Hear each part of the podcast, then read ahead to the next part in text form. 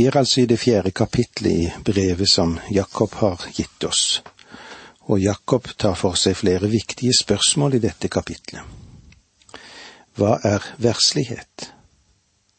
Hvordan bekjemper en kristen djevelen? Hva er livet ditt? Og alt dette vil han føre tilbake til temaet om verslighet. Jakob vil først svare på spørsmålet hva er verslighet? Og hvis eh, vi gikk til en gjennomsnitt kristen i våre kirker og forsamlingslokaler, så ville det blitt mange forsvar. Ja, det ville blitt mer enn ett i alle fall. Noen vil vel si at verslighet er et spørsmål om hvilke forlystelser du er tiltrukket av, og alle disse tingene som vi kaller òg for radiafora. Noen ville se etter hvilke mennesker du er sammen med. Andre vil si at verslighet er et spørsmål om hvilken samtale du har, på hvilken måte du snakker med folk. Andre igjen vil si at verslighet har noe med hvordan du kler deg. Det er en nyhet som jeg har å fortelle deg. Du hadde strøket til Jakobs eksamen. Andre kan igjen si det slik at mennesker som engasjerer seg for mye i sin jobb og i karriere, og det som prøver å samle mest mulig penger, og gjennom det sette alt annet til side, inkludert dette å gå regelmessig til gudstjeneste. Det mennesket er verslig. Jeg tror sannelig at Jakob ville rynke litt på nesen til et slikt svar også. Jeg synes ikke om noen av de tingene som vi har nevnt for hverandre her. Men eh, det er ikke det som er selve versligheten, eller verslighetens primære kjennetegn. Noen av disse syndene som er nevnt, det er det vi kan kalle for kjødets synder, ikke av verden. Om du ville bruke et av disse svarene som ditt uttrykk for verslighet, så ville du ha bommet på svaret og strøket til eksamen. Det vil si, hvis du gikk da i Jakobs sin skole for ingen av disse svarene er dekkende for det Jakob sier. De kan fremstå som symptom på en sykdom, men ingen har noensinne dødd av symptomer. De dør av sykdommen. Dette er bare kjennetegn på det virkelige problem som stikker dypere. En prest fikk en klokke satt opp i kirken så han kunne se hvor lenge han prekte men til hans store ergelse gikk klokken aldri riktig.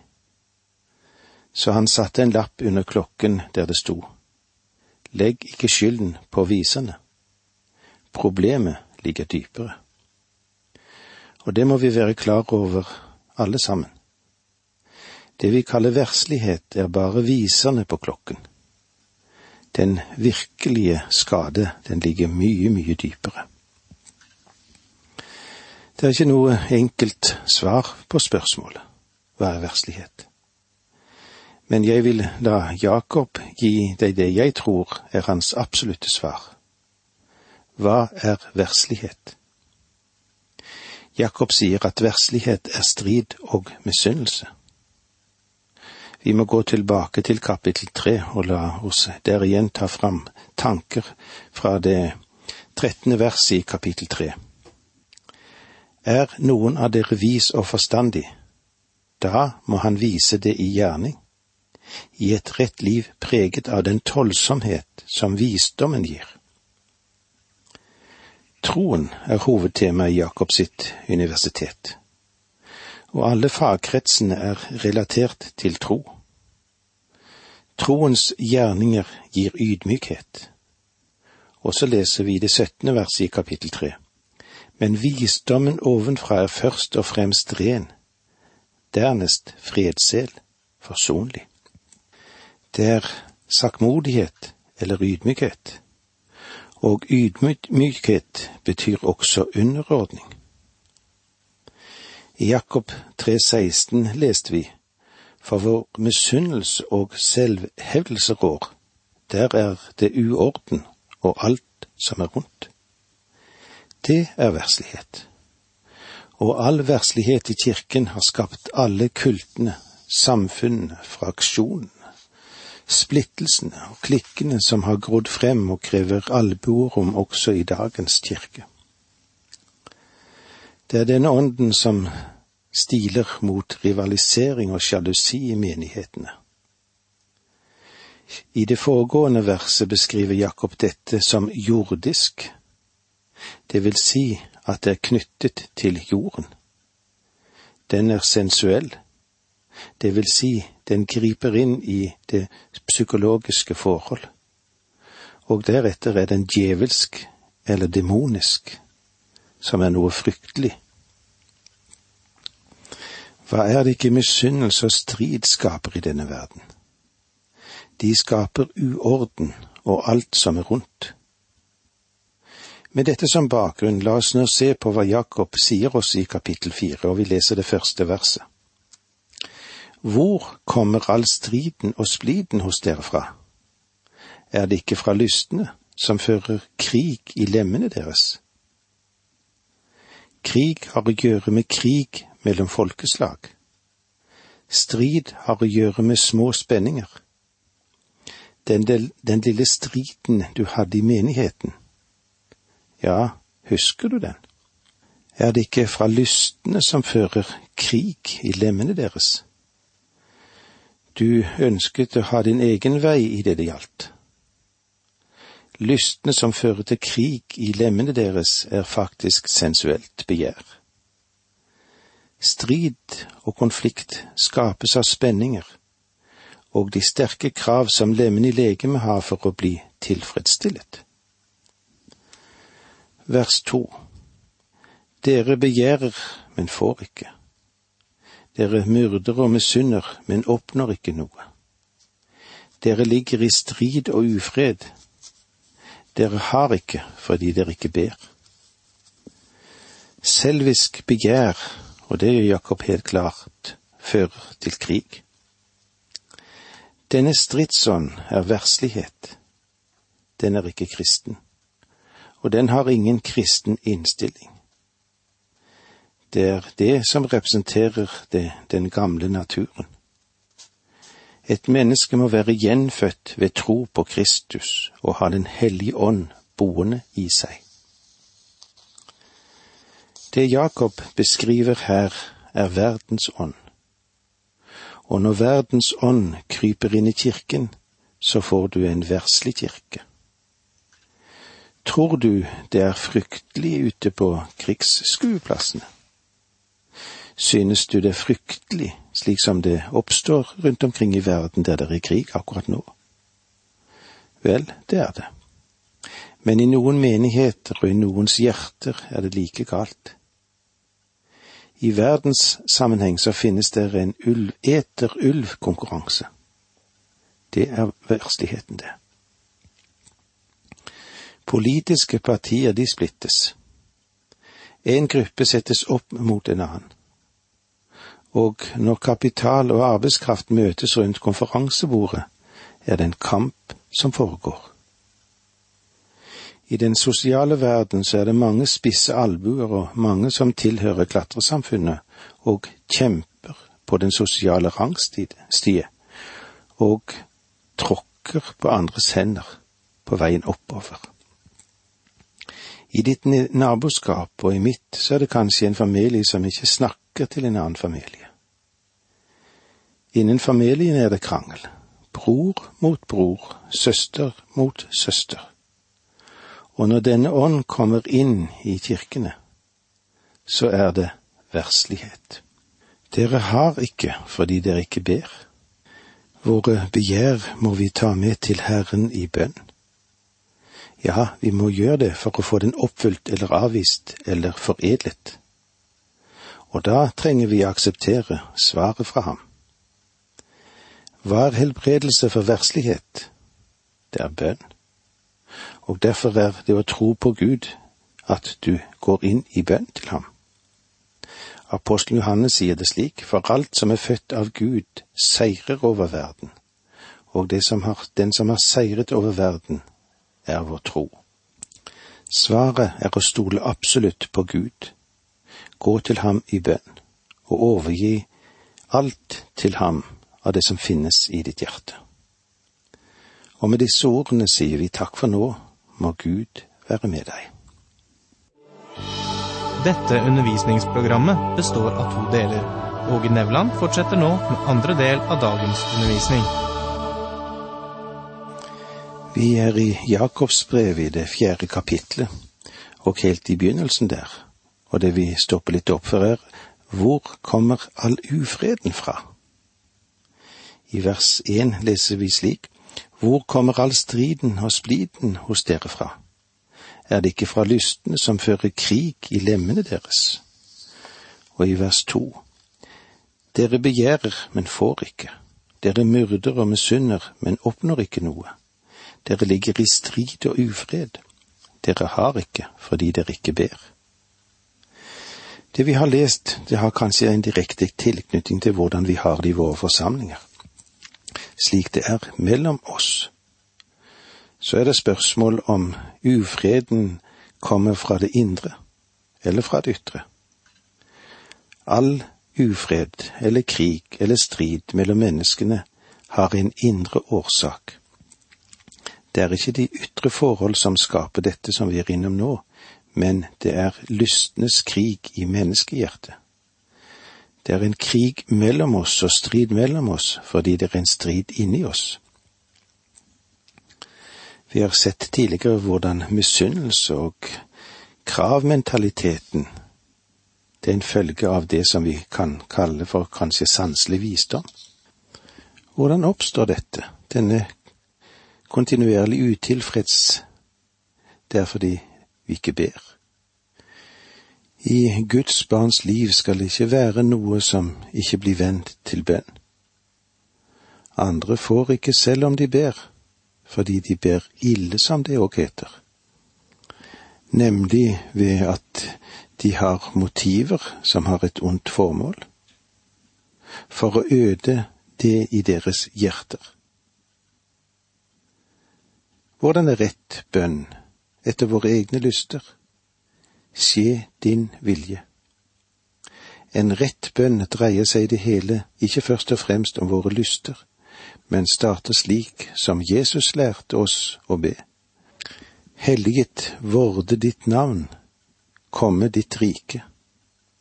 Dette er en bønn som kanskje er imot vår natur, mens de som ber ille bare følger sin egen naturdrift og den materielle lyst, og i sitt bønnerom.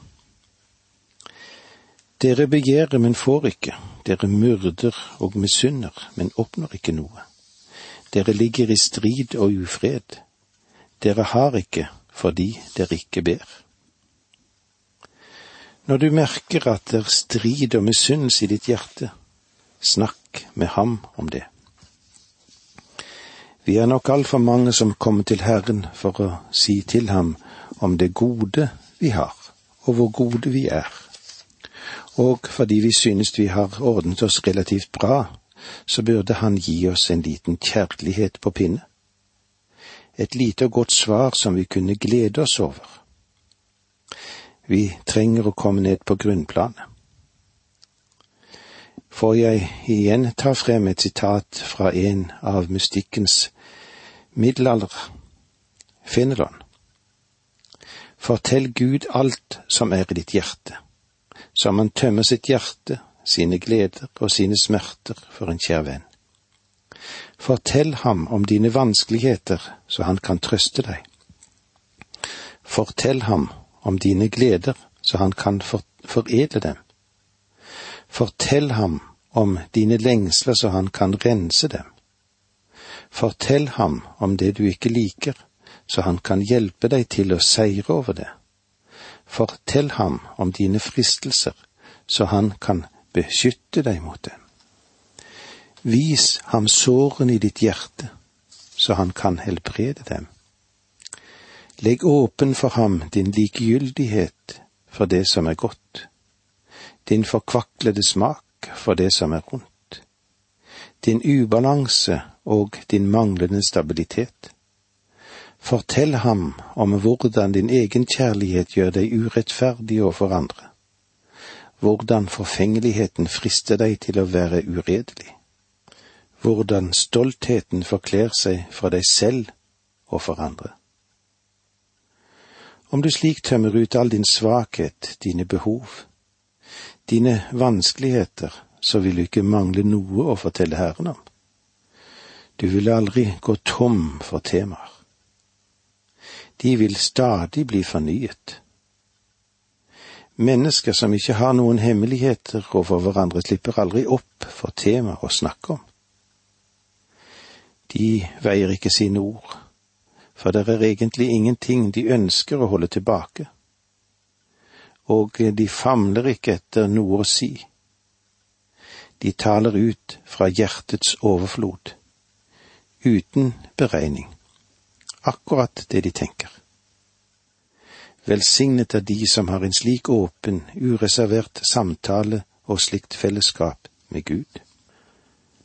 Disse ordene av Fenelon og studiet av Guds ord har betydd mye for meg og for mange, mange opp igjennom i tidene. Jeg trakk den konklusjonen at jeg ville fortelle den Herre Jesus allting. Jeg har snakket med ham, og jeg snakker med ham om alt i mitt liv. Kanskje ikke minst om det som var syndig og tvilsomt. Han vet, han forstår, og han tilgir. Den eneste måten å få tatt bort den misunnelse og sjalusi og den strid som finnes i våre hjerter, det er å gå til den Herre Jesus Kristus.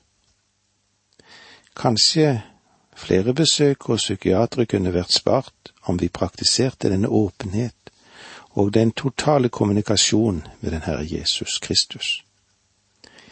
I en av sangene som står i sangboken, Si allting til Jesus, han kjenner det så vel. Det er et godt råd, og en sterk garanti for et sunt sinn. Jakob sier at løsningen både for deg og meg er å be, men vi ber ofte ut fra selviske motiver. Vers tre Dere ber, men får ikke, fordi dere ber galt. Dere vil sløse det bort i nytelser. Selv når vi ber Gud om noe, så ber vi om det for at vi skal kunne bruke det, så vi får det på selvisk vis. Vers fire. Dere troløse, vet dere ikke at vennskap med verden er fiendskap mot Gud? Den som vil være verdens venn, blir Guds fiende. Fordi vi er villige til å gå i kompromiss med verden for å oppnå våre mål, så kaller Jakob oss troløse. Dette er verdens vis. Ta med makt det du ønsker. Med smiger eller via krokveier, ta det du vil ha. Vær misunnelig og sjalu på andre mennesker og skap strid. Det er verslighet. Den som vil være verdens venn, blir Guds fiende. Det vil si at om du går inn på verdens premisser, så skal du ikke synes at det er merkelig at du kommer i strid med det Gud vil, og at du dermed avbryter den strøm av velsignelser og kommunikasjon som det åpne fellesskap med ham betyr. Vers fem, kapittel fire. Eller tror dere det er tomme ord når Skriften sier, med hellig iver krever Gud den ånd han har latt bo i oss, men større er det nåde han gir. Prøver vi å snigre oss selv til å tro at vi er hyggelige og søte, og i grunnen noen trivelige mennesker som verken huser på misunnelse eller sjalusi i våre hjerter? Når Gud gir oss sin frelse, venter han også den frykt denne frelsen skal gi, at den gror fram i oss. Men denne frykt gror ikke frem under hvilke som helst forutsetninger. Jakob sier at løsningen på problemet er å gå til den Herre Jesus Kristus og fortelle ham om våre problem. Si ham alt. Han er selve hovedgartneren. Vi vet hva som skal til for at åndens frukt skal få de vekstvilkår i vårt sinn som er nødvendige. Versene fem og seks. Men større er det nåde han gir, derfor heter det Gud står de stolte imot, men de uydmyke gir han nåde. Jeg har sagt det før, og jeg gjentar det. Gud har overveldende mye nåde. Du og jeg er ennå ikke fullt klar over hvor nådig han egentlig er. Han er en overflod av nåde. Nåde er blitt definert som ufortjent barmhjertighet. Men jeg kan òg kalle det, sammen med deg, kjærlighet i aksjon. Gud frelste oss ikke ved kjærlighet. Han ga sin sønn, og det er ved sin nåde han frelser oss. Og han har så uendelig mye nåde å gi. Kanskje du vil si, å, du vet ikke hvordan jeg er på innsiden, jeg er så full av synd. Gå til ham og si det til ham at innsiden er sannelig ikke noe å skryte av og be om nåde til å overvinne det. Han vil gi deg nåde. Han er den levende Kristus, den som går i forbønn for oss ved Guds høyre hånd. Og med disse ordene sier vi takk for nå, må Gud være med deg.